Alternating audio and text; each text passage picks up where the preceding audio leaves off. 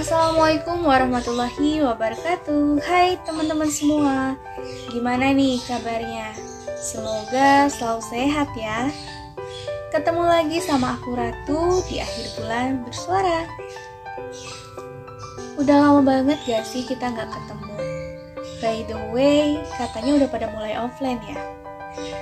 Dan pastinya teman-teman semua lagi pada sibuk nyiapin buat sekolah atau ngampus kan Apalagi teman-teman yang kuliah nih Pastinya lagi nyiapin kosan, barang-barang yang harus dibeli, ataupun barang-barang yang harus dibawa.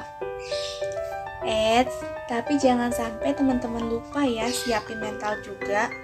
Karena banyak banget dari teman-teman yang mendengar kabar offline itu pada kaget. Hmm, kenapa sih pada kaget? Ya, dengan berbagai alasan. Mungkin salah satunya belum siap karena takut gak produktif. Tapi teman-teman jangan khawatir, aku bakal kasih tips nih buat teman-teman biar produktif.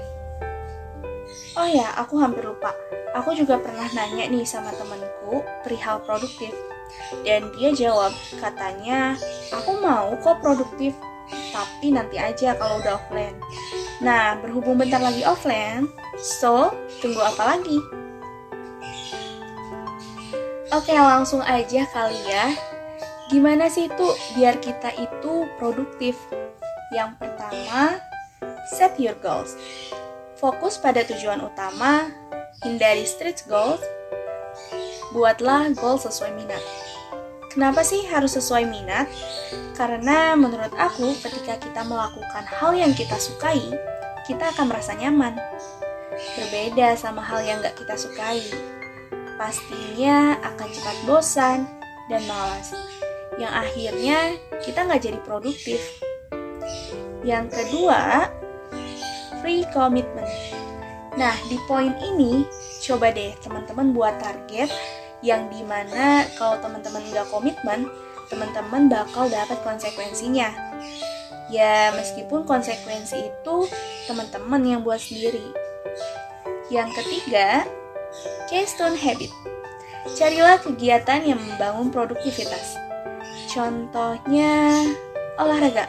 Ya, dengan olahraga di pagi hari, badan kita akan lebih fit dan membuat semangat produktivitasnya juga bertambah. Yang terakhir, make a circle.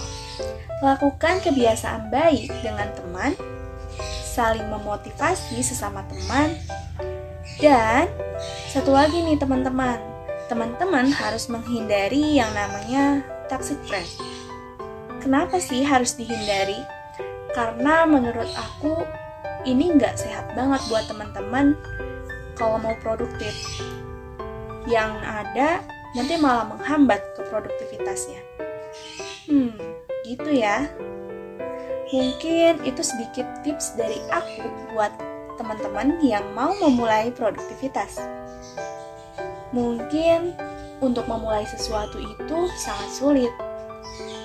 But, mencoba juga tidak ada salahnya kan? So, tunggu apa lagi?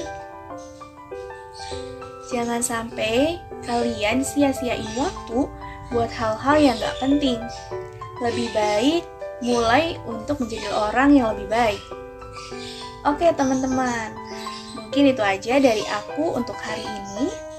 Tetap jaga kesehatan, makan yang banyak, dan istirahat yang cukup ya.